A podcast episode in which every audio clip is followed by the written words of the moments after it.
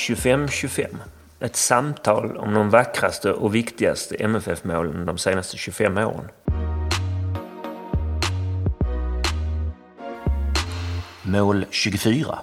Labino Tarbuzis 1-0 hemma mot Örgryte 2009. Målet. Det tar sin början med en hörna eh, ute vid Roys hörna eh, som Jeffrey Aubin tar. Vi är framme vid 61 minuten. Den går in, den tas undan lite halvdant av en Örgryteback. Eh, går ut mot hörnan på straffområdet och Labinot möter och skjuter direkt på rullande boll in den lågt, hårt till vänster i målet. Där på mållinjen så står Örgrytes tjeckiske mittfältare Pavel Zavadil och försöker rensa men att antagligen är skottet så hårt eh, eller så ser han inte den för han liksom fumlar till och, och den, den, tar honom på vägen in men det är ju det är fortfarande eh, Labino Tarbusis mål. Ja, det är inte jättesnyggt. Mycket folk i vägen och lite ja, skräpigt sådär kanske. Men det är ju framförallt med i den, på den här listan för den oerhörda symboliken. För det är det allra första målet på vår nya arena. Och det är klart att vi alla ville att det skulle vara en hemmaspelare som gjorde det. Vilket ju till exempel då inte AIK fick uppleva på Friends. Utan där var det då Jiloan Hamad som gjorde det första godkända målet ska man väl säga det också. Hehehe.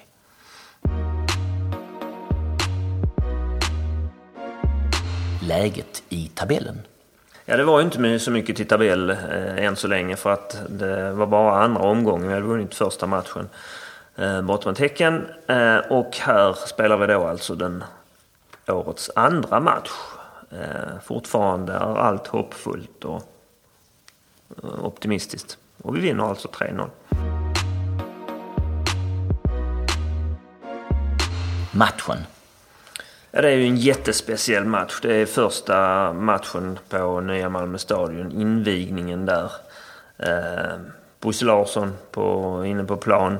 Vi plötsligt har en stav, egen fin stadion utan löparbanor och alltihopa. Vi har dessutom börjat bra i en match som länge såg ut att sluta 0-0 men så lyckades vi ändå vinna premiären borta mot BK Häcken efter en, ett sent nickmål av Miljan Mutavcic.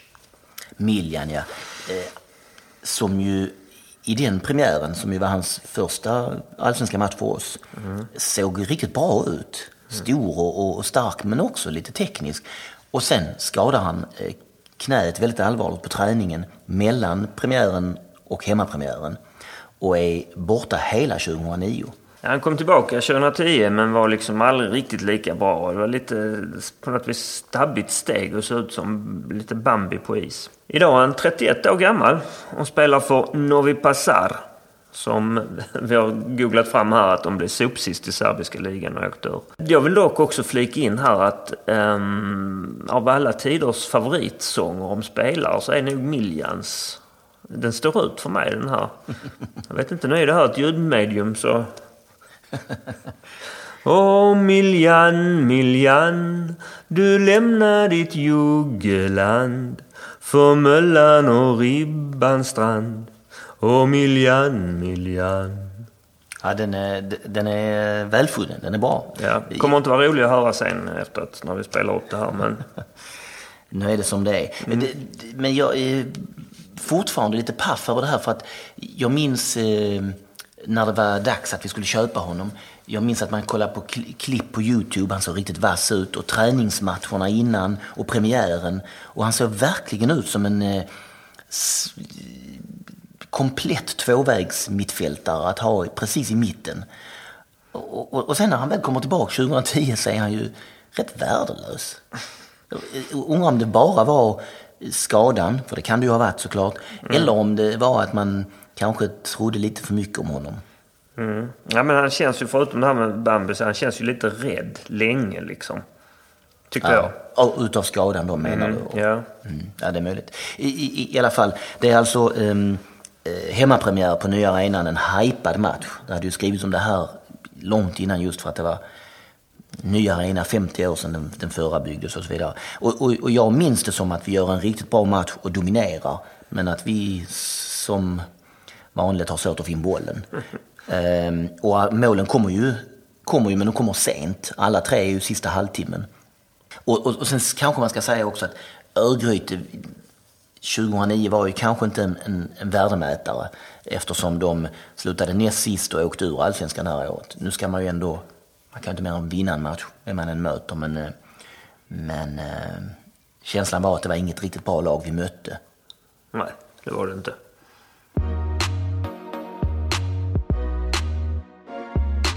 Målskytten. Labinot Harbusi gör alltså målet, det allra första på nya Malmö stadion. Född i Lund, föräldrar från Kosovo. Han var faktiskt bara i Malmö i två år, 2000 till 2001. Innan han for iväg eh, som ungdomsproffs i Holland hos Feyenoord. Jag vet att han vann inne-SM för 16-åringar eh, och i samma lag så spelade Marcus Pode och Rasmus Bengtsson. Jag kommer ihåg sista tiden där precis innan han försvann. Jag såg någon, eh, ett gäng ungdomsmatcher då. Jag minns att i några av de här matcherna hade han ett specialskydd för ansiktet som man får när man har skadat sig där. Ehm, och han var helt dominant. Och jag kommer ihåg att jag frågade Anders Palmér om det här och han, han konstaterade att han hade aldrig sett något liknande i, i just den åldersgruppen. Feyenoord i fyra år och kommer då tillbaka till Malmö inför eh, säsongen 2006. Stannar ända fram till juli 2009 då han skriver på för Gençler Birligi, Turkiet. Tre och ett halvt år, rätt så skadedrabbad dock. Spelar 53 matcher för oss på de här tre och ett halvt åren. Eh, gör fyra mål. Men man måste säga att det är en oerhört fin fotbollsspelare när han väl var frisk. Han debuterar för oss i Allsvenskan på hösten 2006. Han får hoppa in i en 4-2-seger mot Örgryte då. 2008 gör han ett riktigt snyggt mål mot Halmstad. Han dribblar av halva laget och smäller in den i, i närmsta, fel hörn på målvakten på något vis, i närmsta hörnet. I 90 minuten dessutom. Vi vinner med 3-2 tack vare det. Sen gör han mål våren 2009, alltså efter det mål som vi pratar om här nu.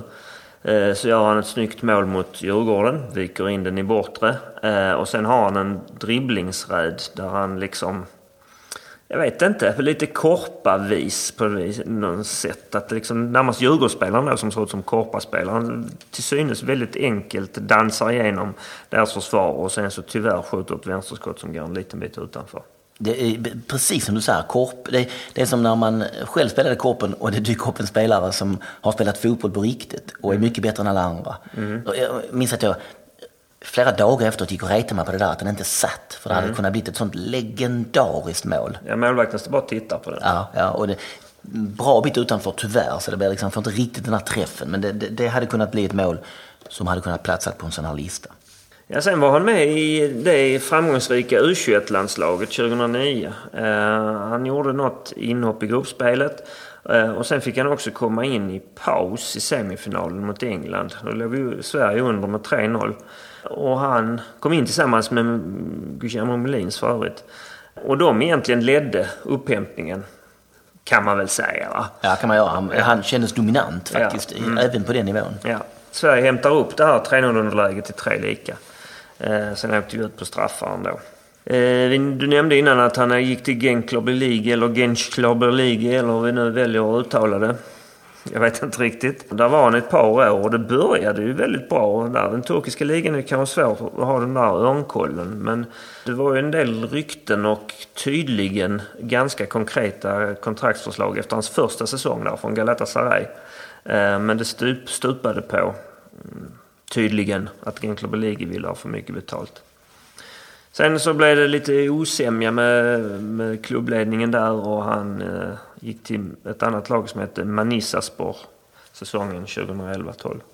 Eh, precis, men sen kommer han tillbaka till Sverige 2012 då han plötsligt eh, spelar inom mitt fält tillsammans med Lulushanko i Syrianska. Ja, han gör väl mest inhopp antagligen. Jag vet att han kommer in, eh, hoppar in när, när vi möter dem. Mm. Och då vet jag att jag sitter lite orolig över att nu, nu ska han dribbla av alla och smälla upp den i krysset. Men, men det sker tack och lov inte. Ehm, och, och, därefter så är, är Prespa Birlik några matcher. Mm. Och sen försvinner han iväg till Malaysia. Där han spelar eh, säsongen 2016 i fjol alltså. Eh, men var är han idag? Nya Malmö Stadion. Vår arena alltså, ja. Inne på nionde året nu. Eh, när det här målet gjordes så var den ju sprillans ny.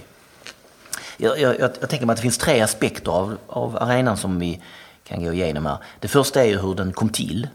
Eh, det andra varför den ser ut som den gör och den tredje hur den står sig i jämförelse med andra arenor idag. Ja, och det är det första. Varför byggdes nya Malmö stadion? Och jag tror man kan koka ner det till två stora anledningar. Dels höll ju gamla Malmö stadion på att rasa ihop. Det föll ju betongklumpar och sånt därifrån och, och det var ett stort renoveringsbehov. Det är det ena. Och det andra är ju en enorm publikökning i allsvenskan. Där vi gick, eh, i, i Malmö i alla fall, från eh, publik på 4 000 i mitten av eh, 90-talet till 15-20 000 i, i mitten av 00-talet. Det här var de två huvudanledningarna till att Malmö FF eh, efter superettanåret kan man säga började titta på en ny arena. De här två anledningarna tvingade fram ett nybygge. Ehm, och då hade ju Malmö IP redan invigts. Men eh, på en, knappt ett år blivit för liten. Ett totalt misslyckat eh, nostalgibygge. Ja, det var inte många matcher vi gjorde där och alla under det misslyckade året 99. Inte bara att den blev för liten och, vi inte kunde använda den. Det var dessutom kändes som en eh, pestsmittad eh, arena som man inte ville gå nära. Mm. Um, uh, varför ser då Malmö stadion ut som den gör? Ja, det här är en svår fråga som kräver ett långt svar, så vi, vi får, får köra det lite, lite kort. Men Malmö FF utlyste en form av arkitekttävling. Och innan dess hade man faktiskt skissat på egna förslag och, och, och då även bett en arkitektbyrå, det var faktiskt den som sen fick uppdraget, att rita en arena. MFF Sport, vi var inblandade i början, det här var under min period i MFF Sport, så jag har lite koll på det här. Och Matsen lovade oss väldigt högtidligt om att, eh, om att vi minsann skulle få vara med på det här. Ehm, vi bildade en stadiongrupp där Sven Liljegren var drivande. Eh, han gjorde mycket gott i den här frågan. Och så såklart tvillingarna Soler, allestädes närvarande. De reste runt halva Europa och, och mätte lutningarna på, på läktarna på olika arenor. Man lärde sig ordet gradänger Eh, för att det skulle vara optimalt för stämningen. Och såklart, Matsen höll inte sitt löfte för när eh, Malmö FFs planer för arenan läckte ut så fanns det ingen ståplats och det var två etage runt hela. Ingenting av det som vi hade stridit för fanns med. Ehm, så vi fick liksom ta bakvägen in. Vi åkte till alla de här fyra arkitektkontoren som var utsedda då och, och, och, dök upp där och berättade hur vi ville ha det. Och de blev väldigt glada över det här för att de hade fått väldigt dålig information från Malmö FF som egentligen hur det här bygget skulle se ut. Var det tvillingarna Soler som var generalerna i detta mm. återigen? Ja. Mm. Eh, och den här arkitekten som sen ritade eh, arenan till sist eh, hette Peter Eklund, Hammarbyare. Eh, jobbade för arkitektbyrån Berg han var väldigt glad över att MFF Sport fanns där. Så att det är han i mångt och mycket som vi har att tacka för att det ser ut som det gör idag. Sen blev det såklart så att arenan kostade mer än vad som tänkt. Eh, det landade på drygt 600 miljoner till sist och kommunen fick öka det här ränte och amorteringsfria lånet. Och det blev väldigt stressigt på slutet vet jag. Det skulle vara någon Uefa-besiktning och någon match som aldrig blev av.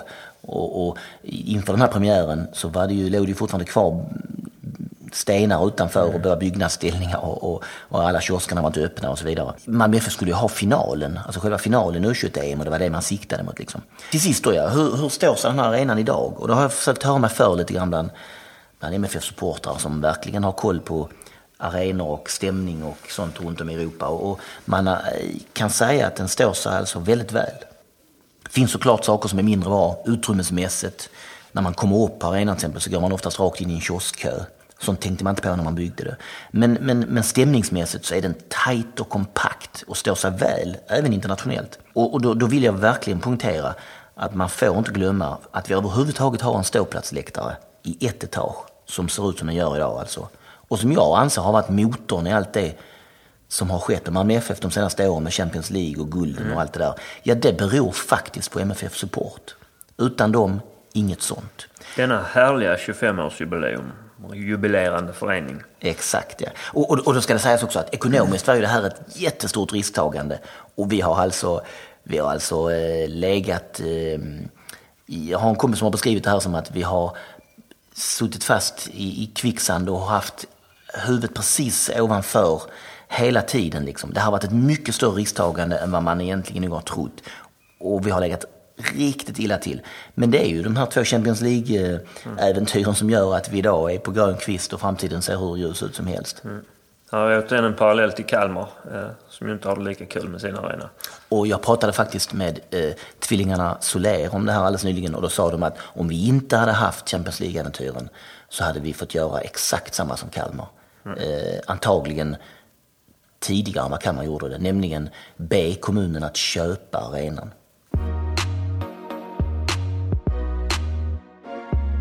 Fyra, två, tre, ett.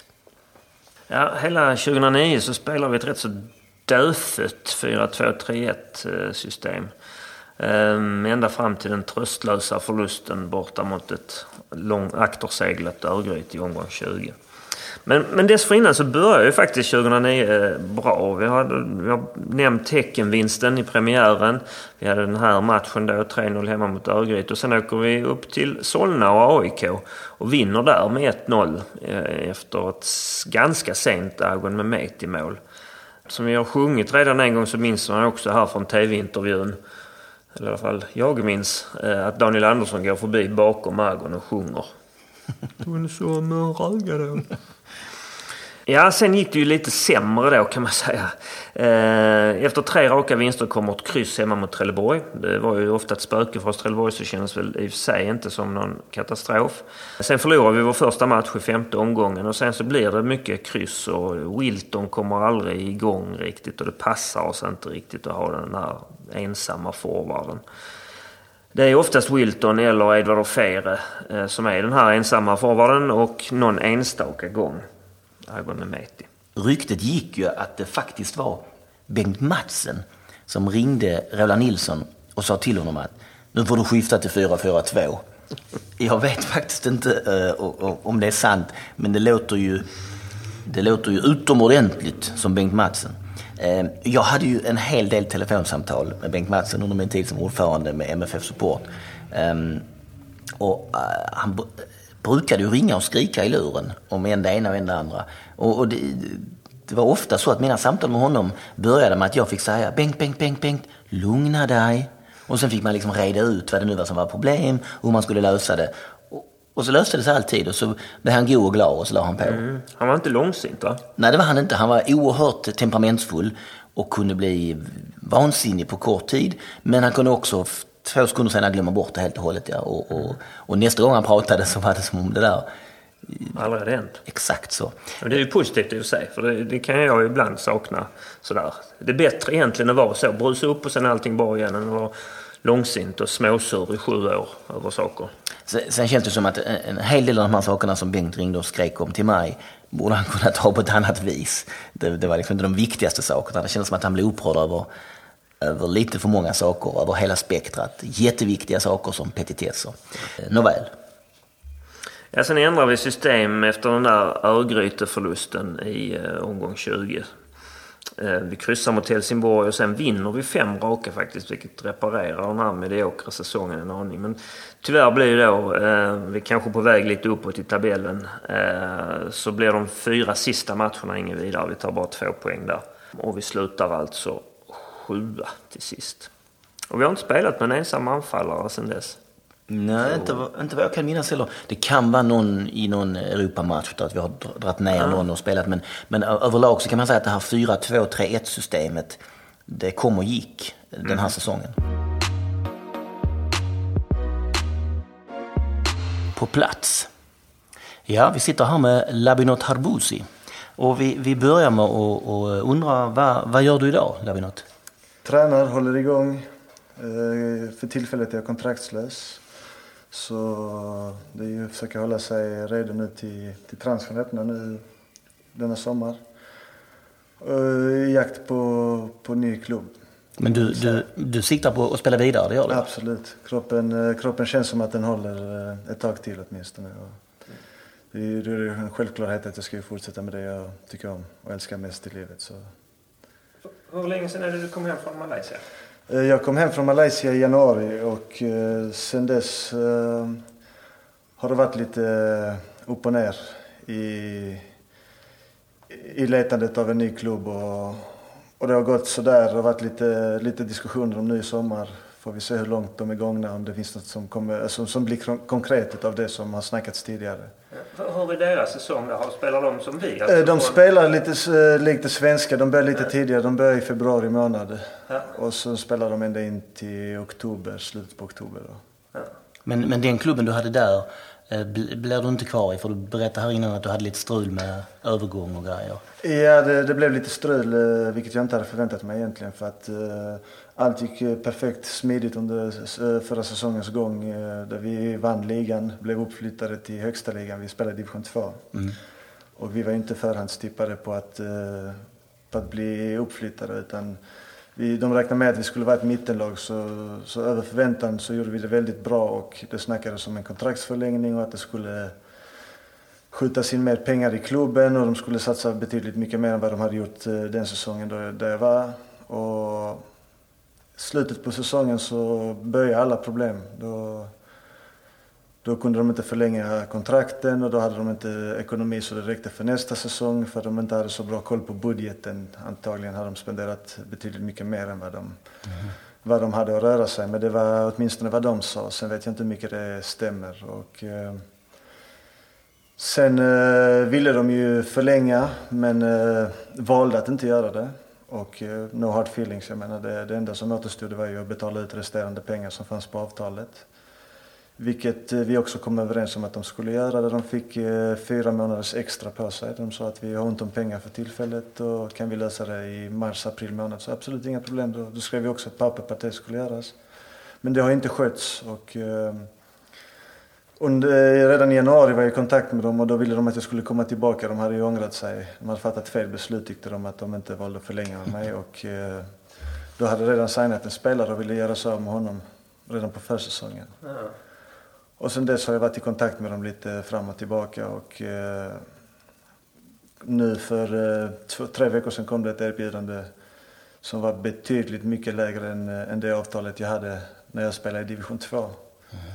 Och vi kom inte riktigt överens och det enda jag krävde var mina pengar och de sa att jag skulle förvänta lite till men och där, där bröts själva kontakten med den klubben och sen dess har jag inte snackat så mycket mer med dem. Och de har rent prestationsmässigt så är de inte rätt så nöjda heller. De har ju bytt ut, eh, sen januari månad har de bytt ut 14 spelare.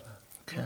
Hur, hur är fotbollen där nere skulle du säga, alltså, om man jämför med allsvenskan till exempel? Om man jämför med allsvenskan skulle jag säga att uh, det finns ju eh, en, två klubbar som, som hade kunnat hålla, no, alltså hålla någorlunda allsvensk nivå. Nu snackar jag inte kanske direkt in i topp men var en, uh, ja på övre halvan åtminstone från plats tre till 6, 7 någonstans där kanske. Det är Johor eh, som också spelar, alltså de är ju i asiatiska mästerskapen motsvarande Europa League och Champions League. Ja. I Europa då stort sett varje år och de satsar stort. De har betydligt, betydligt större budget än, äh, än andra klubbar där. Men sen alltså nivån på topplagen och på bottenlagen, det, det skiljer sig enormt. Jag menar, vi hade ett lag som vi slog med 6-0 ena matchen och sen vände serien. Veckan därpå slog vi dem med 4-0. Det är stora skillnader skulle jag säga att bottenlagen håller kanske knappt division 2-klass i Sverige. Medan eh, topplagen, topp 2, topp 3 i Malaysia skulle kunna med lite tur hålla sig på, på övre halvan av allsvenskan kanske. Men var det lite andra icke-malaysier då i Ja, det är ju, de har ju den här eh, regeln där de får lov att ha tre europeer eller tre utlänningar ja. som de kallar dem importer och, och en med asiatiskt pass, så totalt fyra stycken. Ja. De flesta lagen uh, fyller ju den kvoten. Det var två, tre lag som inte gjorde det med tanke på deras budget. Hur lyckades du nosa upp detta liksom? Hur hamnade du där? det är en bra, det är en rolig historia. I och med tidsskillnaden så, så fick jag ett samtal på, på WhatsApp ja. av en agent från Malaysia som uh, erbjuder sig att hjälpa mig att hitta en klubb i Malaysia. Han, eh, svensk tid tror jag klockan var halv fem, kvart i fem på morgonen någon gång. Så jag tog det inte så jätteseriöst så jag bara klickade i samtalet. Ja. Och så ringer han upp igen och så snackade jag med honom i tio minuter och jag kände bara att han mumlade jättemycket i telefon. Så jag klickade honom igen. Jag tänkte det är någon som håller på att skämta. Och så ringer han eh, en tredje gång. Då tänkte jag du måste vara seriös. Så det är ett malaysiskt nummer. Så, här, så jag kollade upp det. Så han vill spela Malaysia. Så frågade jag vad villkoren var. Mm. Så sa han, har du talat om Malaysia? Så sa jag, jag har talat om landet men jag har inte varit där och jag kan inte så mycket.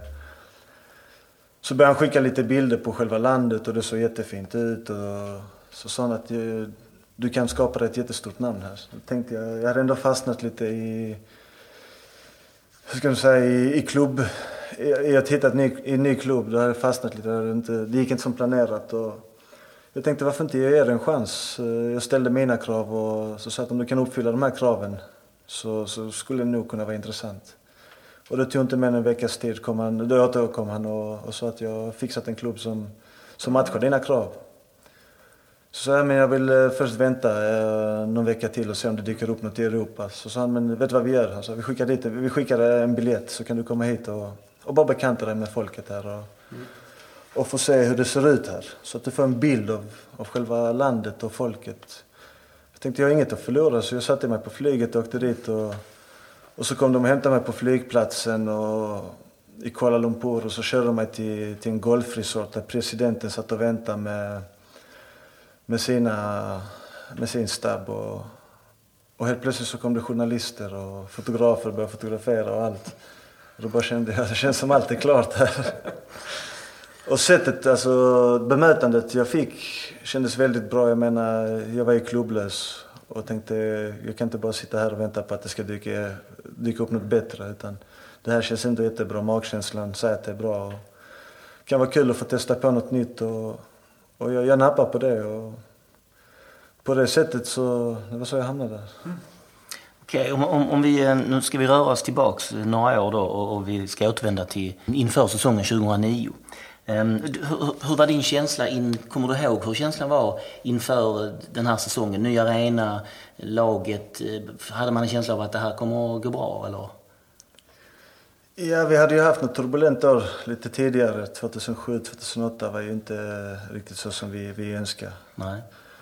Och det blev ju ett litet tränarbyte där också i den eh, vevan. Och kom in en hel del nya spelare. Och vi visste ju inte vilka som skulle vara kvar, vilka som skulle få fortsatt förtroende och vilka som skulle...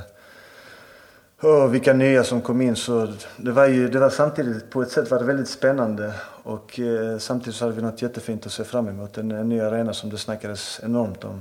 Det är klart, eh, det blev ju lite mer spänt än vad det, det skulle. Det började kanske inte på bästa möjliga sätt. Där jag hamnade lite i konflikt med, med en skribent för, eh, för Eurosport och Malmö FFs räkning, Kave rättare sagt. Och nu när jag blickar tillbaka på det så kunde det skötts på ett betydligt mycket bättre sätt. Men jag menar det som har hänt, det har hänt. Det, det kan inte sitta här och, och ångra utan man kan ju dra lärdom av det. Och, så det började inte på bästa ultimata sätt. Det blev ju snack direkt om jag skulle få vara med och spela första matchen mot Häcken borta. Och vissa supportrar menar på att jag inte skulle eh, få vara med och vissa supportrar menar på att man skulle sköta det internt och att det inte skulle få påverka laguttagningen. Utan de elva bästa skulle få starta. Och till slut fick jag ju ändå starta. Och, så det var lite, det var lite spänt där också. Jag kunde ha börjat lite, lite bättre men men det är du som vi... slår hörnan till målet mot Häcken? Ja, det är jag som slår hörnan till, om jag minns rätt så är det Miljan Mutadis som, som nickar in den. Korrekt. I sin premiär också, sin debutmatch. Och det var en skön känsla faktiskt att få plocka hem den första trepoängen i, i seriepremiären. Så... Och sen är det då hemmapremiär alltså. Och, och som du säger, om, om, det var väldigt hajpat för det var en ny arena. Eh, Larsson. Precis, ja, det var en enorm invigningsceremoni med alla gamla spelare på plats och, och det var tal av politiker och så vidare. Och en hel del av spekulationerna var ju just detta. Vem ska göra det allra första målet på den nya arenan? Pratade ni om det internt i gruppen och så också, i laget? Ja, det blev ju det. För att, eh, jag, menar, det, jag tror den här diskussionen om vem som skulle göra det första målet på, på arenan började rätt tidigt. Rätt, alltså redan inne på försäsongen, någon gång i januari månad. Och det var allt från Kvällsposten till Expressen till Sydsvenskan och, eh, som, som började spekulera på och öppnade en debatt, en diskussion om vem som skulle göra det första målet. Och, och givetvis så började det snackas om det i omklädningsrummet också. Jag minns på den tiden då var det ju, sett till hur vi startade så, så var det ju Edvardo Ferre på topp. Mm. Med, nu minns jag inte vem det var som spelade bredvid honom, om det var Daniel Larsson. Jag tror det var Daniel Larsson, ja. Så givetvis så snackades det jättemycket om att anfallarna var de första som skulle göra mål. Och sen var det lite att man skämtade att men jag kommer göra mål och, och alla, jag trodde helt plötsligt att alla skulle göra mål på, på den nya arenan. Men det blev en rolig grej faktiskt till slut. Det, det blev lite spännande och sen så såg man fram emot eh, första matchen på, på, på den nya stadion också. Jag menar, jag kan blicka tillbaka, som kommer jag ihåg det som igår. Alltså det var ju det var en sjuk jävla stämning redan på uppvärmningen där man kände att vissa matcher är segt att komma igång där uppvärmningen är lite jobbig men alltså man kändes, det kändes som att man hade så mycket ork. Att man kunde springa i evigheter redan på uppvärmningen, ny gräsmatta och alltså det var ju bara bäddat för publikfest kände vi. Och, och um, sen gick det ganska lång tid, alltså det var inne i 60 minuter någonting innan, innan den där hörnan som Jeffrey Aubin slår ute, ute till, um, mot Roys hörna till. Ja, jag minns att vi hade en hel del lägen. Eh, det är något eh, inlägg från vänster i första halvlek där Gisha har nick precis över ribban. Ja. Sen har vi något skott som rullar precis utanför stolpen. Så det, det hängde i luften och du vet, jag kan inte, kan inte ljuga, alltså sitta här och ljuga om jag säger något annat än att man satt och tänkte på under matchens gång på vem som skulle verkligen göra det här första målet. Hur, hur, kommer du ihåg målet? Kommer du ihåg, alltså, kan du liksom se det framför dig? Ja, vi får en alltså, hörna, vi får en hörna ja, som du säger, på, till, till höger om målet ja. på Roys uh, hörna. Och det är Jeffrey Robin som slår den egentligen. Det är jag som ska slå hörnan. Det är precis den frågan som man ställer sig. Varför är det inte ja, du som slår hörnan? Ingen aning. Om det var för att jag var trött eller vad det kan vara, det vet jag inte. Men jag tror det var att Jeffrey var närmast. Och, och vi, har ju snackat, vi snackade om det på träningen också. Ibland har inåtskruvade hörnor. I och med att det var från höger så hade Jeffrey sin vänsterfot. Ja. Och jag är inte den uh, bästa spelaren i luftrummet så jag är inte den som går in och nickar. Så jag tog en position utanför straffområdet och, och han slår in den. Och uh, jag tror det kommer något uh, skott eller om det är... Är det någon som nickar ut den? Nickar liksom? ut den och sen så hamnar den hos jag vet inte om det är någon som spelar tillbaka den till mig eller om den kommer direkt från någon, någon Örgryte-spelare. Och jag menar, då hinner jag inte tänka så mycket utan för mig är det ju bara att träffa mål såklart. Och sen hoppas på att ingen uddar den och att den går in. Men eh, i så fall att, att, det, att det bara blir mål egentligen. Och sen får jag till en, en klockren träff egentligen. Där jag inte behöver ha så mycket kraft utan bollen rullar så perfekt att det är bara att slå till den. Och det var skönt att se den segla in i mål. Det är mycket folk i vägen känns det som ändå. Ja, alltså det, är ju, det är ju, ska säga, nästan, om inte 10-12 spelare minst framför en när bollen kommer ut. Och det är som jag säger, jag menar, det kan bli likväl att någon touchar den och går in. Den, mitt syfte, eller meningen var ju bara att få den på mål och med tanke på att den rullar så pass sakta tillbaka. Det kommer så perfekt kändes det som. Mm. Precis framför fötterna på en så man behövde varken flytta på sig till höger eller vänster. Det var som upplagt för den? Ja, det kändes som det. Och så, så drog jag på och fick eh, ett, alltså en rejäl träff. Jag minns att de hade, eh, till och med om det var Pavel Savadil som stod vid stolpen. Yep. Som inte kunde få bort den. Och, jag menar då, då bara kände man hur varje hårstrå på kroppen bara reste sig. Och man bara kollade runt och såg hur publiken njöt. Och, och, det, var, det var skönt att få kunna glädja publiken på ett sånt sätt faktiskt. Skulle du säga att det är det, att det, är det, att det, är det viktigaste målet eller det bästa målet du har gjort i din karriär? Ja, absolut. Det, utan tvekan. Alltså, jag menar, jag... Nu är jag inte kanske en notorisk målskytt som gör 20-25 eh, mål varje säsong, men av de målen jag har gjort så skulle jag lätt kunna säga att detta är ett av de viktigaste målen. Med tanke på, på själva hela atmosfären och ny arena och, och allt det här. Så det är klart att... Du är liksom inskriven i Malmö FF-historien för evigt nu? Liksom. Ja, absolut. För mig, för mig betyder det enormt mycket kan jag säga. Som malmöit, jag är född och uppvuxen i Malmö. Så det, det är klart att eh, det, det spelar stor roll för mig. Det har en stor betydelse faktiskt. Hade vi haft en lista också på de mest spektakulära skotten utanför så hade du nog varit med där också. Men de här, du lirar av hela Djurgårdens lag och lägger den utanför. Ja, den, eh, den vill jag inte bli påmind om. Den, den får jag höra ofta från vänner också som Aha, har sett den. Och, och var man än har gått och folk har sett så säger man hur kunde du missa? Men, ja, men och, och nej, så, alltså själva hela aktionen där. Eh, det kändes som att man, man, man sprang på vatten. Det, det kändes så naturligt allting hela vägen fram till, till mål. Det är den sista dragningen och så är det bara målvakten kvar. Där bollen kommer lite för långt bak på mitt högra stödjeben där jag får skjuta med vänster. Ja, och väljer helt fel hörn också. Där jag har hela vänsterkanten, på min, alltså sett från mitt håll, som är fritt. Men väljer ändå att skjuta på det hållet där målvakten står närmst. För att jag antar att han ska förflytta sig. Men det gick så snabbt så att varken han reagerade och och jag fick ju rätt så dålig träff men jag hade inte, det hade inte skadat om den hade gått in. Man, man tänker alltid att, att fotbollsspelare inte ska komma ihåg alla de här sakerna som man själv minns som, som supporter. Vi minns ju precis allting, varenda grej. Men det är rätt så ofta när man pratar om fotbollsspelare att de reagerar precis som du. Att de minns precis exakt hur det var, själva det här ögonblicket. Så den här missade chansen till exempel. Att, att du kommer ihåg det så väl. Förlåt att jag påminner. nej, nej, men alltså. Det är ju så. Det är, för oss är det också en upplevelse. Men ibland så tror man att det är bara en dag på jobbet att vi glömmer bort och att det, det dyker upp nya saker. Och visst, så är det. Men vissa saker sätter sig bättre eh, än andra och vissa saker vill man komma ihåg, vissa försöker man förtränga. Men jag menar, det, det är så, vi är också människor och det är klart när vi gör något bra eller något mindre bra så, så försöker vi också komma ihåg det. Och som, som jag menade, än idag så, så dyker den diskussionen upp där det snackas om den. Tänk om du hade gjort någon mot Djurgården. Vem som satt på läktaren. Om det fick en scout och du hade kanske du vet, det, det snackas jättemycket än idag faktiskt och jag tycker det är en kul grej. Alltså. Jag menar, det är synd att det inte fick ett bättre öde bara. Hur, hur skulle, du, mm, skulle du säga att du är MFF idag? Alltså att du håller på laget och sådär? Ja, absolut. Det kan inte säga något annat än det. Jag menar, folk, alla vet ju hur, hur vi skildes åt, jag och Malmö, men det... Vi kan väl sitta här och säga att jag var ung och dum och tog fastare beslut och kunde ha skött det på ett bättre sätt, både jag och Malmö tycker jag. Nu ska jag inte klandra bara dem, utan jag är mig själv att skylla också, absolut. Och är man född och vuxen i Malmö så finns det inget annat lag än Malmö. Jag menar, jag har ju varit bollkalle på Malmös matcher, jag har sålt programblad utanför och sen en dag så spelar man i, i startelvan. Och det är klart att Malmö är ju laget, utan tvekan. Det, så fin, är det bara. Finns det någon kvar i laget, som, eller runt laget, som du snackar med fortfarande, som du känner och sådär eller? Nej, vi har ju lite kontakt med, med Erdal Rakip. Ja. Det är ju det är inte så jättemånga kvar, om det är någon kvar överhuvudtaget. Daniel är han spelar, också, eh, han spelar också i, i, i, samma match, Daniel Andersson. Daniel Andersson ja. spelar i samma match. Mm. Och, ja, det var det jag tänkte säga. Det är nästan bara Daniel som är kvar, men det är som sportchef. Ja.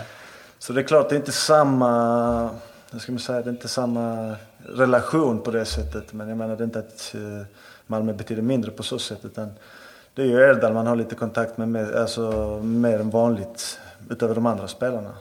Och varför just Erdal? Nej, vi har ju gemensamma vänner. Vi brukar ja. ju spela, vi brukar spela boll tillsammans ute på gårdar lite utanför uh, hans uh, arbetsplats och min mm. arbetsplats. Med gemensamma vänner så det, det blir ju så per automatik. Kan man säga att du har haft en lite rörig karriär? Alltså efter du lämnade Malmö. Det kan man lätt säga. Det kan man göra. för, för jag kommer ihåg det som ung. Jag minns att jag såg det när du spelade i pojkar 15-16-laget. Det var någon match när du hade någon ansiktsmask för att du hade haft någon skada va? Ja, vi spelade, vi spelade SM, eh, SM-slutspel. Det var semifinal uppe i Stockholm mot AIK. Det hade gått en 10-12 minuter. Jag fick en armbåge av min landslagskollega då.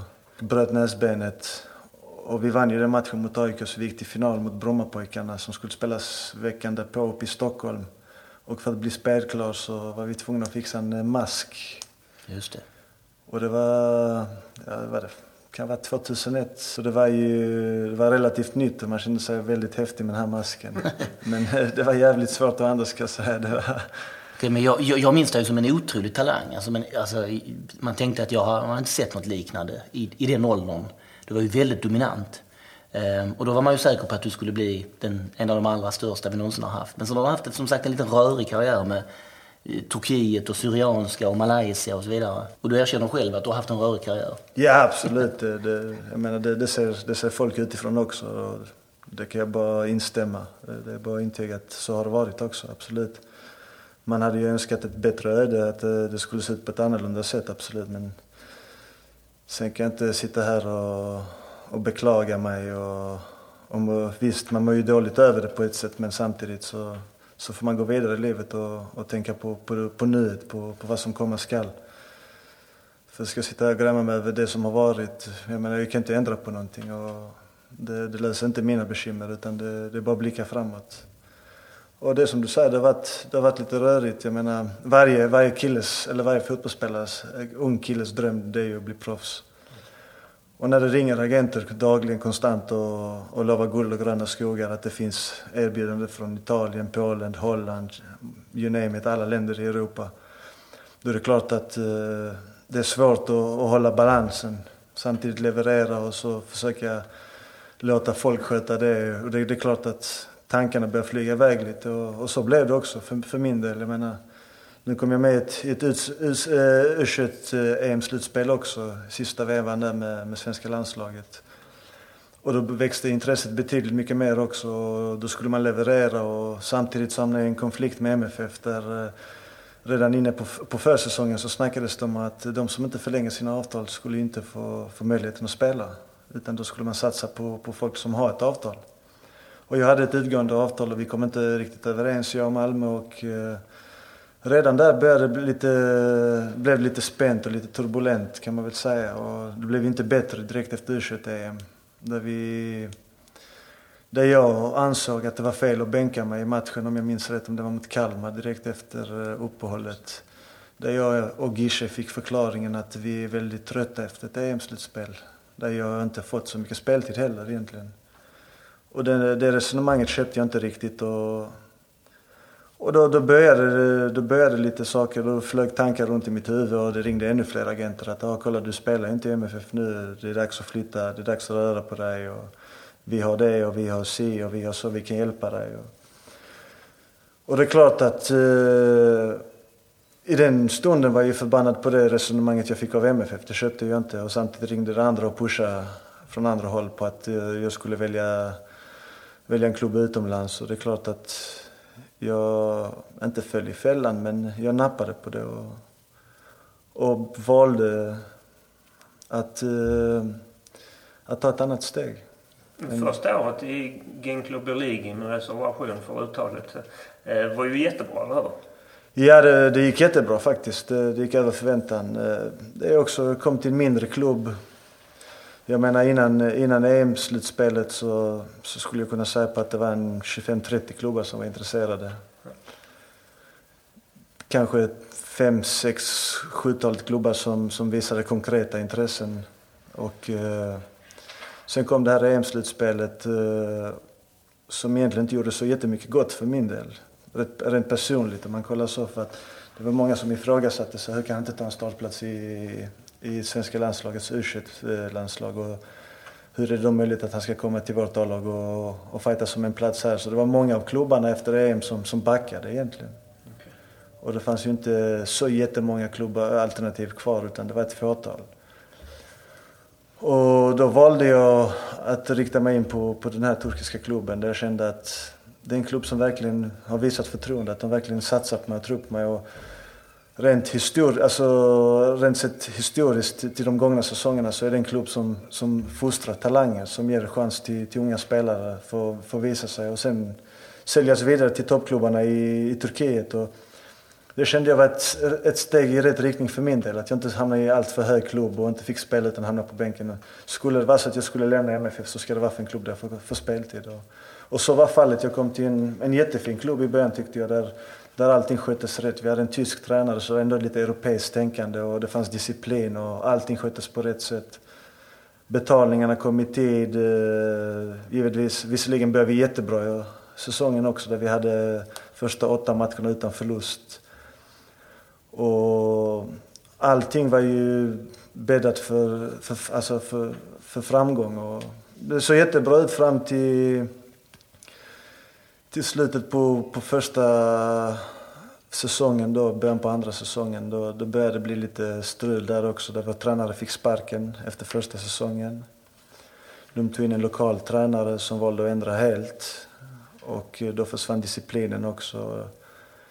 Och i samma veva så fick jag en liten besvärlig familjesituation där min mamma blev sjuk. Ja, det läste jag om, kommer jag ihåg nu när det hände. Mm. Hon eh, fick cancer och rent ut sagt, jag, må, jag mådde piss. Jag menar, alla visste det i Malmö och jag fick inte veta någonting utan hon ville bespara, det, alltså bespara mig från, från den bördan. Och eh, efter ett tag så fick jag ju reda på det. Min mamma kom ner till Turkiet och berättade att hon då hade fått eh, elakartad cancer. Och eh, jag menar, då tappade jag allt som hade med fotbollen att göra. Då bara kände jag att det här är inte värt det. Så familjen går före alla dagar i veckan. Så dagen efter kom jag till träningen och eh, kunde faktiskt inte hålla mig utan jag brast ut i tårar. Och tränaren såg det, lagkamraterna såg det och eh, då sa tränaren till mig, du tränar inte idag utan gå upp och sätt dig på mitt kontor så kommer jag upp så, så snackar vi om det. För han visste inte vad som hade hänt. Och Det tog mig nästan en halvtimme att få ut orden på att min mamma har fått cancer till tränaren. Och han satt och såg att jag grät och han förstod inte vad det handlade om. Och, och han försökte få ut det, alltså få mig att berätta. Men det tog nästan en halvtimme innan jag kunde få ut de här orden. Och när jag väl fick det så utbrast han också i tårar. Alltså, han sa att min fru har precis gått igenom samma sak så jag har haft ett helvete också. Och då bestämde han sig för att, eh, fotboll, han sa till mig rakt av alltså, vi har match till helgen men fotbollen har ingen betydelse när sådana här saker dyker upp. Så jag bokade en biljett till dig så du får åka hem och vara med din mamma. Och det var det som hände också. Jag kom hem till Sverige. Eh, fick vara här hemma, träffa min familj lite, umgås med min mamma och försöka stötta henne i, i hennes eh, kamp alltså mot cancern. Och sen går det en vecka och jag har ju ständig kontakt med klubben där de frågar hur det går och, och allt det här. Och så kommer den här matchen som de förlorar då. Och då, då får jag ett samtal från presidenten som inte pratar engelska men använder en tolk via telefon och undrar var jag har tagit vägen, varför jag inte spelar. Så sa jag, men har du, ingen, har du inte fått beskedet på att jag åkt till Sverige på grund av eh, sjukdom i familjen? Och då får jag det svaret på ett lite kaxigt sätt där han säger, men alla kommer vi någon, någon gång dö typ. Mm. Och eh, lägger inte så mycket energi på det men jag menar jag var 23-24 år gammal, det, det, är klart att det tar på mig. Skulle det hända idag så skulle det ta lik, minst lika hårt. Så det har inte med åldern att göra men bara sättet han sa det på gjorde mig väldigt förbannad. Så vi hamnade... Jag blev i stort sett förbannad på honom så, så jag la på luren och, och sen ringer han efter några dagar och sa att vi har match på söndag i kuppen mot eh, ett lag i Istanbul. Så se till att vara i Istanbul på fredag kväll. Så, så, så ringde jag till tränaren och sa han skit i dem, lyssna inte på vad de säger. Jag har gett dig ledighet och jag bestämmer. Även om du skulle komma tillbaka så kommer jag inte ta ut dig för jag vet att du inte är redo för match. Och eh, då sa min mamma till mig att åk. Vill du se mig må bra så åker du för jag vill inte att du, du ställer till det med, med klubben där borta också. Så jag hade inget val så jag åkte tillbaka. Vi spelade matchen. Jag fick starta matchen, spela i 60 minuter utan att träna i, på två veckors tid. Och det gick väl sådär. Vi, vi förlorade den matchen också och då började allt. Och allt från att jag fick böter av disciplinära skäl, att jag hade lämnat utan, eh, utan tillåtelse. Och de började jävlas med mig och bänka mig, bytte position på mig. Tyckte att jag helt plötsligt skulle spela ytterspelare. Jag har spelat som innermittfältare eller mittfältare centralt i stort sett hela karriären. Och, och jag bara kände att fan, ska de börja jävlas så med mig så, så betyder inte fotbollen så mycket mer för mig. Så då, då skiter jag i det. Så. Det går till lite annorlunda där, där nere i Turkiet? Ja, det, alltså jag menar så, så länge det gick bra och vi, vi vann och allting då, då kom matchbonusarna. Jag menar vi vann på en lördag, på onsdagen gick vi och hämtade ut dem kontant i, i ett kontor där vi fick skriva på att vi har hämtat ut dem lönerna kom i tid och så fort vi började förlora så, så fick man inte betalt. Och, men ni får, jag menar, I Sverige har, ju, har, ju, har du den tryggheten. Ja. Du vet att 25 kommer lönen. Oavsett om det är 2 000, 10 000 eller 50 000. Du vet ju att den kommer den 25. I Turkiet var det ena dagen kunde komma den 12, ibland den 17, ibland den 5. Ibland kunde du få två månaders lön, alltså förskottsbetalning på en månadslön. Ibland hade du innestående lön i tre månader. Och, och, och, och det som du säger, de känns ju väldigt resultatinriktade. Går det bra så är allt frid och fröjd och alla är glada. Yeah. Går det dåligt så vill de inte betala ens lön. Yeah. och, och det för mig som kommer från Sverige, vi som är vana med att, att ha lite ordning och reda med, med, med att få betalningar ja. den 25 så, så var det också en stor omväxling. Och det var många, många gånger jag ringde till, till min agent och frågade vad är det som händer med pengarna, varför betalar de inte? Och, för jag visste att de har ju redan jävlat så allt, ja, allt som hände efter det så började jag spekulera på om det hade med det att göra. Och, och så var fallet också där de inte betalade jag tror det var på nästan tre eller fyra månader fick jag ingen månadslön utan de sa att eh, ja, vi får se vad som händer. Och, och till slut blev det så mycket tjafs så att eh, presidenten, eh, vi bad om att få ta ett möte med presidenten och jag bad om att få förflyttas. För i den vevan så var det också så nämligen när första säsongen tog slut så, så kom det ett intresse från Galatasaray. Ja, det har vi pratat om och har hört att... Ja, och jag har precis landat i Sverige, flugit hem från... Uh, vi hade ju Galatasaray sista matchen. Och jag gjorde mål och assist, blev matchens lirare. Och precis landat i Sverige, befinner mig på Stortorget i Malmö. Och så får jag ett samtal från en journalist i Turkiet som säger att uh, stämmer det att du är i Istanbul och förhandlar med Galatasaray? Så sa nej, så det, det stämmer absolut inte. Så jag är i Malmö och sen så, så får jag ett samtal tio minuter efter från klubben där de bekräftar att det finns ett intresse från Galatasaray. Och Om, om, vi, om vi ska återvända en, en, en sista gång då till, till eh, det här målet som, som vi pratar om här då. Kommer du ihåg, eh, kommer du ihåg känslan du hade när, när du ser att den går in? Liksom? När du ser att det, att det verkligen är mål? Hur jag ser att det blir mål, det är lite mer på, på reaktionen från folket bakom mål. I och med att det står så mycket folk framför mig. Så jag får ju till skottet. Jag ser att det står en kille vid stolpen. Där är målvakten och så är det en klunga med folk precis framför. Och när jag ser att folk börjar alltså, lyfta på händerna precis bakom mål. Då förstår jag att någonting är på gång. Men jag har ju själv varit med om det så många gånger att man skjuter ett skott och supportrarna reagerar men ingenting händer. Alltså det blir inte mål utan de är ju så för, lite i förväg börjar fira. Så jag tog alltså ett steg till så att den är på väg in och då, bara, då förstod jag att då kom lättnaden att, och glädjen absolut. Att man såg alla spelare börja springa efter den och allt jubel. Och, alltså, ak, ak, alltså akustiken inne på, på arenan just vid det tillfället är obeskrivligt faktiskt.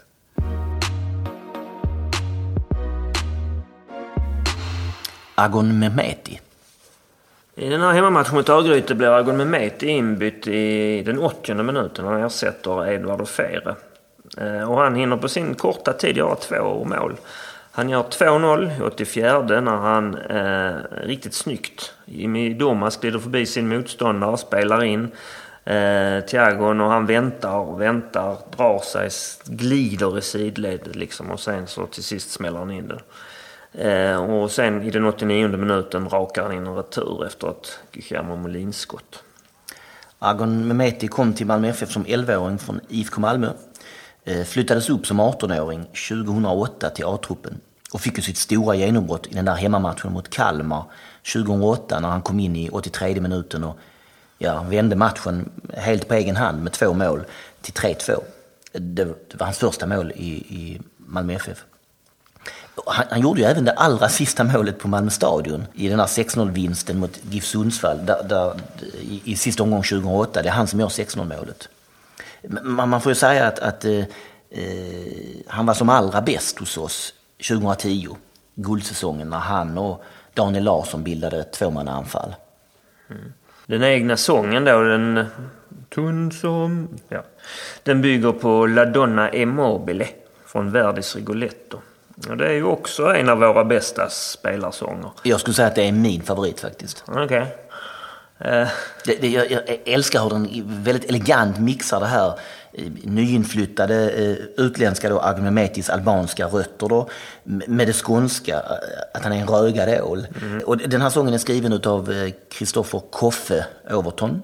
Agon tar ju två SM-guld, 2010 och 2014. Just det, och 2014 så, så eh, tänker man inte på det, men han är han är med lite grann där ja. Och, och vi har ett Falkenberg borta. Jag har mm. två tunga mål när vi vänder den och, och, och inte helt eh, bortkastad den säsongen faktiskt. Nej. Ehm, men den första flytten då efter eh, första guldet, eller mellangulden om man säger, då flyttade han till Palermo och därifrån blev han ju då såklart utlånad som man blir om man går till Palermo. Ehm, så han har varit i Novara i Italien och i något som heter Olhanense i Portugal. Ehm. Och sen kommer han hem då ja, är hos oss och sen när han lämnar oss går han till Norge och Stabäck och där går det väl hyfsat. Idag är han, i, och då återkommer vi till, till denna klubb, är han i Gençler Birlig i, Turkiet. Allt vad det innebär. Av icke utbetalda löner, etc, etc, etc.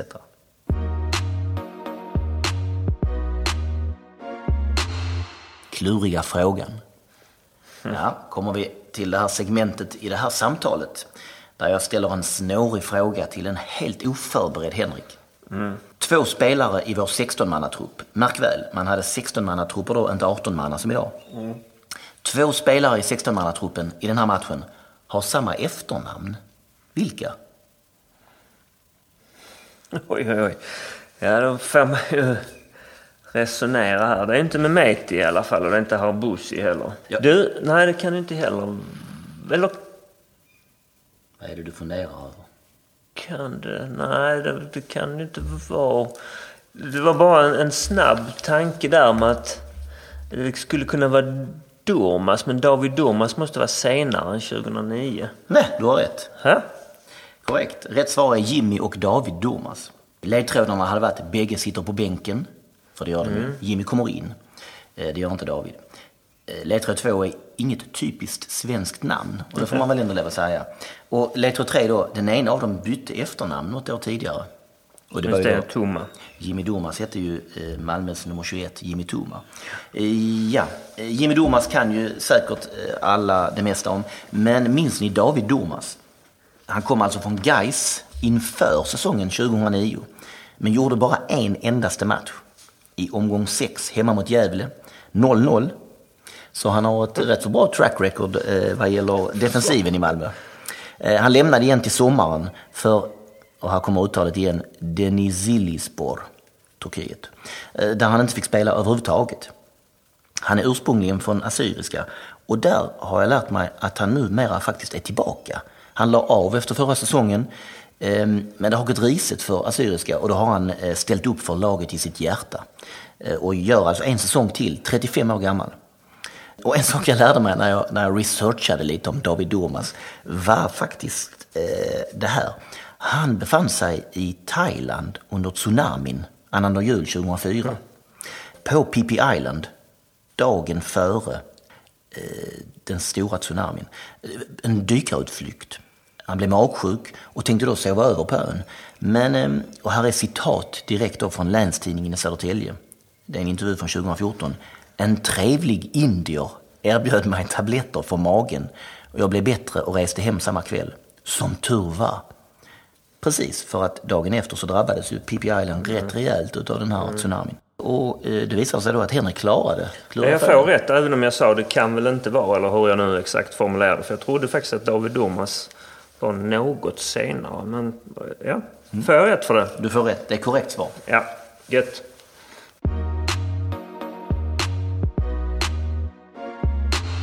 Mer om målskytten. Ja, Lavino Tabucci var ju en rätt så polariserande fotbollsspelare. Både på plan och utanför. Och en sån där som ansågs att han bara ville spela offensivt och dribbla och ansågs så lat på plan. Det, det, där håller jag inte med om faktiskt. Jag, jag, jag tycker att ett lag ska kunna ha plats för spelare som, som inte alla är liksom eh, slitande, springande eh, brunkare. Ja.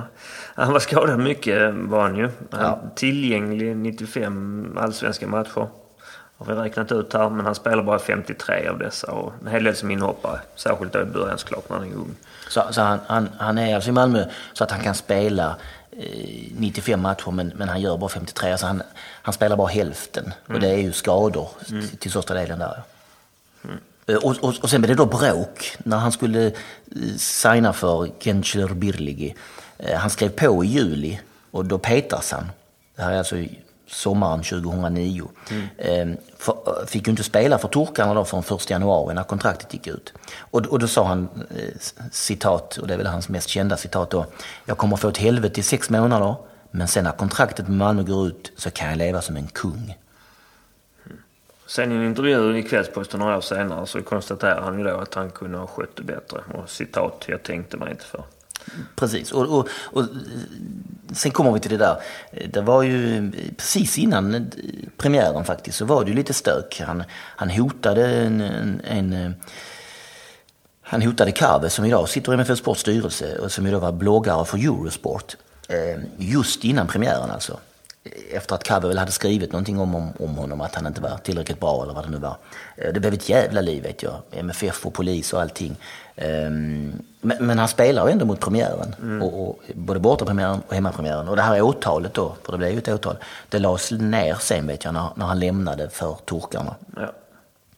Det är han som slår hörnan också för övrigt. Som Miljan knoppar in. Exakt. Ja. Och här kommer lite det här med bråket och sånt. Och det kan man ju tycka så att vi på något vis skulle antyda att han hade en attityd som hindrade hans karriär. Men det, det vet vi ju egentligen absolut ingenting om. Så det gör vi inte. Ehm, Men däremot kan man ju tycka att han inte fick ut sin fulla potential. Ehm, För han är ju faktiskt en av de, de när man tittar på de där dribblingsräderna så är han ju de, en av de allra största talanger den här klubben har sett. Ja, Faktiskt. det är han. I den där Kvällsposten-intervjun från 2013 så säger han också, eh, citat, med facit i hand har jag gjort många misstag. Eh, och, och det här målet han gör här, det som vi pratar om här och nu, mm. premiärmålet på Nymalmö stadion, det är nog hans allra största stund hos oss. Mm. Och, och sen ska man ha klart för sig också, tycker jag, han var ju hos oss under en tung period. De här åren 2006 till 2009. Malmö FF är ju inte precis ett självspelande piano där allting går vår väg. Och, och det, han eh, hade kanske passat bättre i, i, i, ett lag som han inte behöver bära. Mm. Där han kan vara en i mängden. 2010-laget till exempel, eller senare då.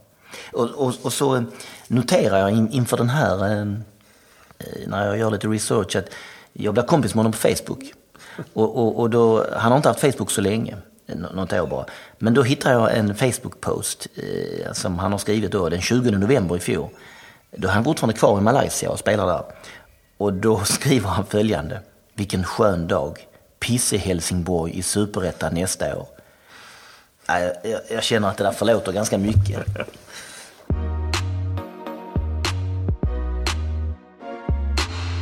Stars for Life.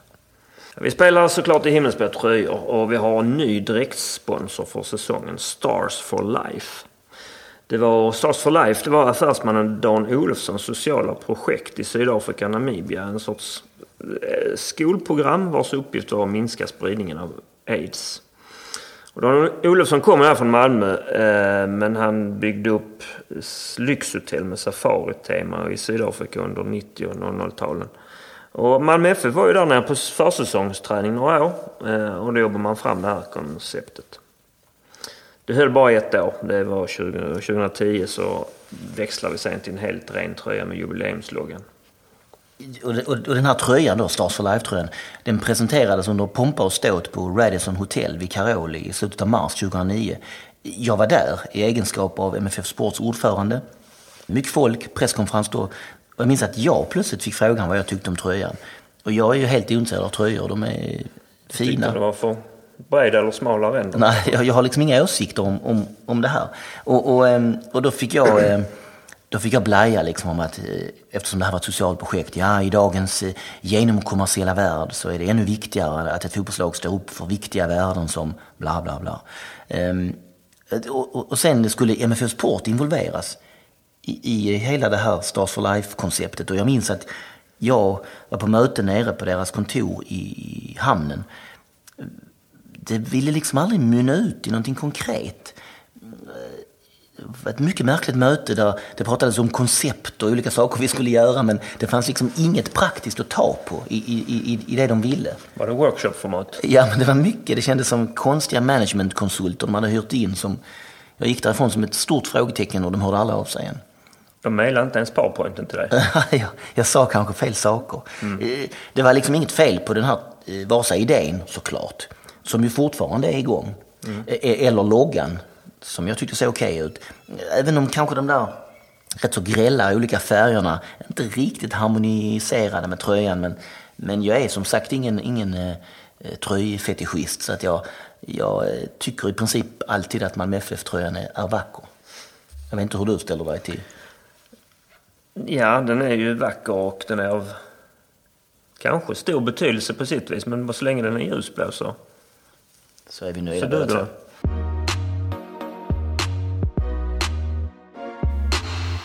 Motståndare. Örgryte har en tung hemvändare i Marcus Albeck den här matchen. Eh, eller för det här året. Eh, och i Örgryte så är det han och Alvaro Santos som springer omkring på topp. Eh, de gör inte riktigt något väsen av sig den här matchen. De kommer inte till riktigt. Men jag minns rätt så väl att när Agon har rakat in trean så samlar liksom Albeck alla lagkamraterna. Så står de i en sån här ring som man brukar stå innan matcherna. Är inte lite sent? Jag i 90 vid 0-3. Jo, jag tänker ju då kanske att han vill, nu måste vi ta oss samman, inte dras till. Eh... Vad jag menar med till, det återkommer du till nu här kanske. Ja, jag skulle vilja slå ett slag eh, för en speciell motståndare den här matchen och det är Örgrytes målvakt. Eh, australiensaren Nathan Coe. Ehm, letar upp honom och han verkar driva ett café i Melbourne nu med sin bror tror jag, Coe and Co. Sebastian? Ja, nej, jag vet inte vad hans bror heter. Enligt hans Instagram då. Ehm, han är född i Brisbane, började karriären i laget med det eh, fina namnet Brisbane Strikers. Sen flyttar han som 17-åring till Inter faktiskt, som en stor målvaktstalang. Ehm, och här börjar hans första eh, ska vi säga, svenska ehm, vända. Eh, för han figurerar ganska mycket i Martin Bengtssons bok I skuggan av San Siro som kom ut 2007. Eh, och Martin Bengtsson, eh, svensk talang som slog igenom i Örebro, flyttade till just Inter, också som 17-åring. Eh, hade förtvivlat svårt där nere med det mentala och med identiteten och med ensamheten och det här proffslivet. Och hamnade på eh, sjukhus efter att ha försökt ta sitt liv. Eh, knappt år bara efter flytten till Milano.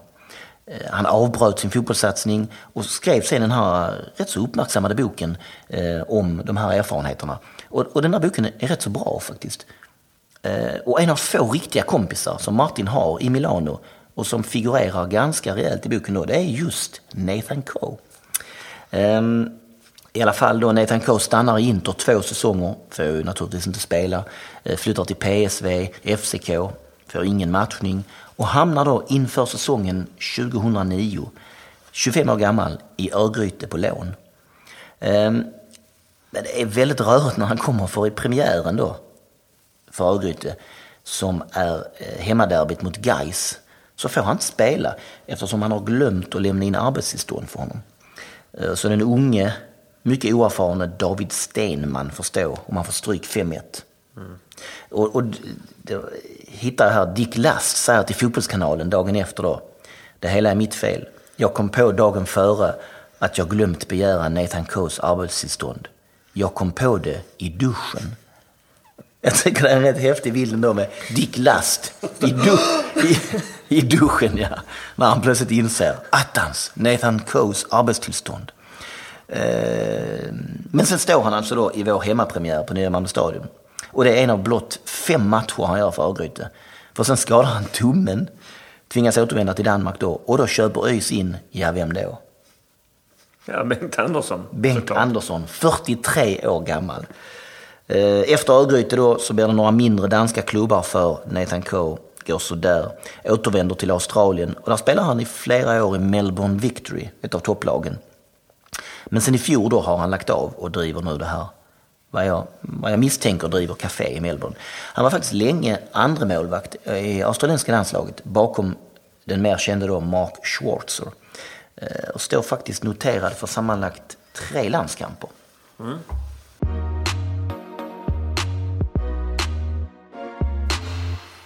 Ricardinho. Den här matchen eh, blev ju hemmadebuten då för vår lille Brasse som han hade debuterat i matchen innan, Häcken borta, 1-0. Eh, han skulle komma att stanna sex år och ta tre SM-guld. Eh, vi minns väl lite till mans det här att det var ju tveksamt mellan kontrakten eftersom han hade en agent som på något vis inte riktigt existerade. Att han, det var många möten bokade med den här agenten kunde man läsa men han kom inte eller dök inte upp eller jag vet inte. Det var alltid så här i, i tidningarna överallt. Eh, alldeles strax ska man med få ett möte mm. med Ricardinius mm. agent. Eh, men det blev aldrig några möten. Och, och sen plötsligt var kontraktet klart. Ja. Ja. Så han fick ju då, tre plus tre år måste det ha varit va? Ja. Eh, eh, och han var ju i princip helt ordinarie under de här, den här tiden på vänsterbacksplatsen. Jag minns när han kom att man liksom oj, hur har vi lyckats värva en sån här spelare med den kvaliteten? För han imponerade verkligen. Korrekta namnet Ricardo Ferreira da Silva Kubicki. Han är född i Curitiba i södra Brasilien. Pappan drev en bar där och mamman sydde kläder. Han spelade i Curitiba när vi köpte honom och när han då tyvärr då får man ju säga lämnade efter säsongen 2014 så gick han till Kabbala. Eh, det här laget med konstiga prickar över alla ana eh, i Azerbajdzjan. Eh. Och där är han fortfarande kvar vad jag förstår. Ja. Mm. Jag vet jag såg honom här nu härom någon tidig kvalmatch de spelade mot franskt motstånd vet jag att han syntes. I Europa League-kvalspelet? Ja, Europa League-kvalspelet precis. Det var ett lite udda köp, men det var Hans Gren faktiskt, Roland Nilssons antränare, som scoutade honom och övertygade som köp. Och det är väl frågan om inte detta är det bästa Hans Gren har gjort. Ja, det var en konstig förlur och, och jag tyckte då, och jag tycker nästan ännu mer nu att märkligt att vi skickade iväg honom för att kolla på en brasiliansk vänsterback, men så var det tydligen. Mm. Och det är ju frågan om det inte är vår bästa vänsterback, vänsterback under de här eh, 25 åren. Alltså 92 och framåt. Det är, det är det nog och den enda som egentligen kan konkurrera är väl Josef Elanga. och ett SVT-inslag, apropå mina saker, som man, man också kommer ihåg är ju det här där det visade sig att han samlar på antikviteter och rokoko-möbler. Ehm, och var ju väldigt glad för Sverige. Det var ju rätt så mycket diskussioner också om man faktiskt skulle kunna få svenskt medborgarskap. Ehm, och då var aktuell för landslaget. Det blev ju aldrig så. Men... Ja, han, han hade ju, fick ju barn i Sverige. Eh, Och ehm, det var någonting med att han hade en kyrka här i stan också som han var i ofta och liksom där man ledde församlingen men som han var väldigt förtjust i. Så han kändes ju väldigt hemmakär i Sverige. Och det, det har jag alltid tyckt var så konstigt att han efter att ha varit så hemmakär och pratade så mycket om familj och kyrka och så vidare valde Azerbajdzjan. jag, jag, jag, intervjuade honom en gång och då var det väldigt sådär eh, noggrant med att det måste bokas för Malmö FF för han måste vara förberedd. För han tyckte liksom eh, han tyckte inte om att, att någon liksom ringde upp honom utan att han visste om det eller att någon hoppade på honom. Så jag fick boka den där intervjun då. Och sen pratade han faktiskt godkänd engelska. Och han var väldigt ödmjuk och timid och svarade trevligt på alla, frågor, på alla frågor jag ställde. Men han hade i princip ingenting att säga. Nej. Det var väldigt liksom självklara svar på alla frågor. Att vi, vi måste jobba som ett lag och kämpa hårt och, och hej och hå. Ja, eh, det blev, jag, en av de spelarna jag faktiskt också har intervjuat då i eh, USA-lägren 2012 och 2013. Ehm, och särskilt minns jag ju då, det var inte jag som gjorde det utan Magnus Johansson på Himmelriket, eh, att han hade köpt väldigt mycket barnkläder på outleten där i Bradenton, eller utanför Bradenton. Och att han var orolig för att han inte skulle, han skulle krossa viktgränsen med dem helt enkelt. Han känns, eh, han känns verkligen som en som eh, oroar sig för att han ska ha för mycket packning när han ska åka hem från USA. Ja, men, men eh, precis som du säger, väldigt glad och trevlig. Eh, klart att eh, svaren kanske inte var de mest tyngsta och filosofiska, men eh, ödmjuk, timid, glad. Och oerhört, alltså från supporterhåll så är man ju oerhört glad i honom och, och i, i, inte bara för det här eh, att han var så snäll och glad och verkar trevlig utan för att han också var väldigt, väldigt bra. Ja, lite av en risktagare ibland, men eh, det vägde han upp.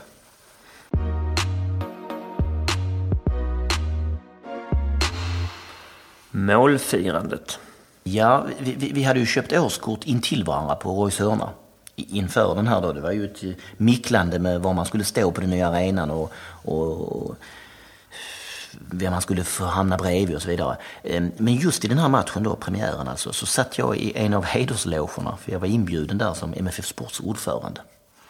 Mm, ja, det var ju första gången som jag då fick min plats som jag fortfarande har kvar. Och vi var ju åtta stycken och är ju egentligen fortfarande åtta stycken som sitter eh, tillsammans där, eller står gör man ju. Sitter och vilar sina trötta knän i pausen och står annars. Och jag minns ju den här matchen överlag som att det var just det här som jag varit inne på, frustrerande länge. Eh, vi kom inte riktigt till. Det var inte sådär... Vi hade övertaget men de riktigt feta chanserna var inte många. Liksom, fram till det här målet kom. Och det, det kändes ju väldigt förlösande. Att det var en viktigare match än bara den andra matchen i, eh, i serien. Liksom. Jag var ju som sagt eh, inte där. Eh, när han gör målet så firar han ju bort mot Mm. Roys hörna till. Så det var lite mer i händelsernas centrum. Jag satt i en av hederslogerna och då fick man middag och vin innan. Jag minns att jag hade Nils Yngvesson och Nisse Hellberg till bords bland annat. Jag var såklart nervös inför den här matchen som man alltid är. Men Mm. måste ändå säga att det var en av de MFF-matcher där jag varit minst nervös.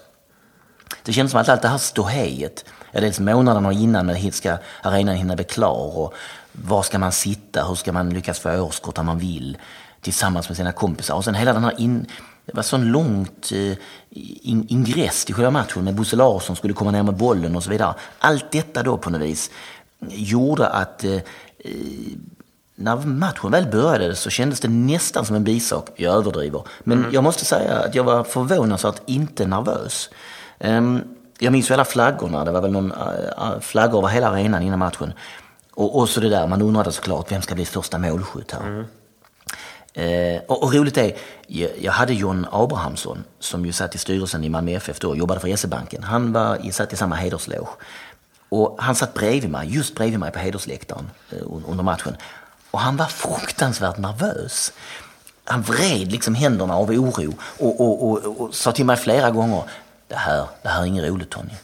Och jag, jag, jag, jag fnissar fast jag fast du känner, känner igen. exakt likadant varje precis, vecka. Precis, och Johan Abrahamsson är en av dem som jag har tyckt allra bäst om tror jag i MFF-styrelserna genom åren.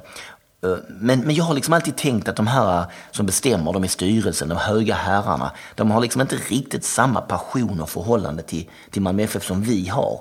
Vi som liksom är vanliga lusiga supportrar som går alltid. Men John alltså var precis som en själv. Han har gått på Malmö FF alltid och var i princip nära en sorts gräns när den här matchen pågick. Det, det minns jag att jag tyckte var, var riktigt kul. Och sen var det roligt också, vi, vi hade väl Skog, Toivonen och Anders Andersson inne på plan innan matchen. Eh, för någon form av, ja det var ju många där, men de var framme hos Klacken. De hade ju spelat ganska nyligen men fick en, hade försvunnit och var inte med på nya arenan. Och jag minns efteråt så kommer Skog och Toivonen gående i den korridoren där hederslogerna är. Så att jag var ute och snackade med dem lite grann. Det minns jag som, mm, som att det var kul.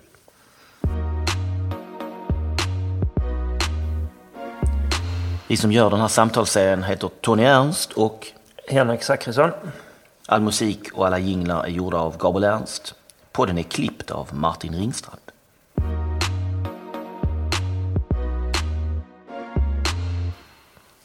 Den här podden görs på uppdrag av MFF Support med anledning av föreningens 25-årsfirande i år. Vi tycker att du ska bli medlem i Malmö FFs officiella supportförening. Gå in på mffsupport.com för mer information.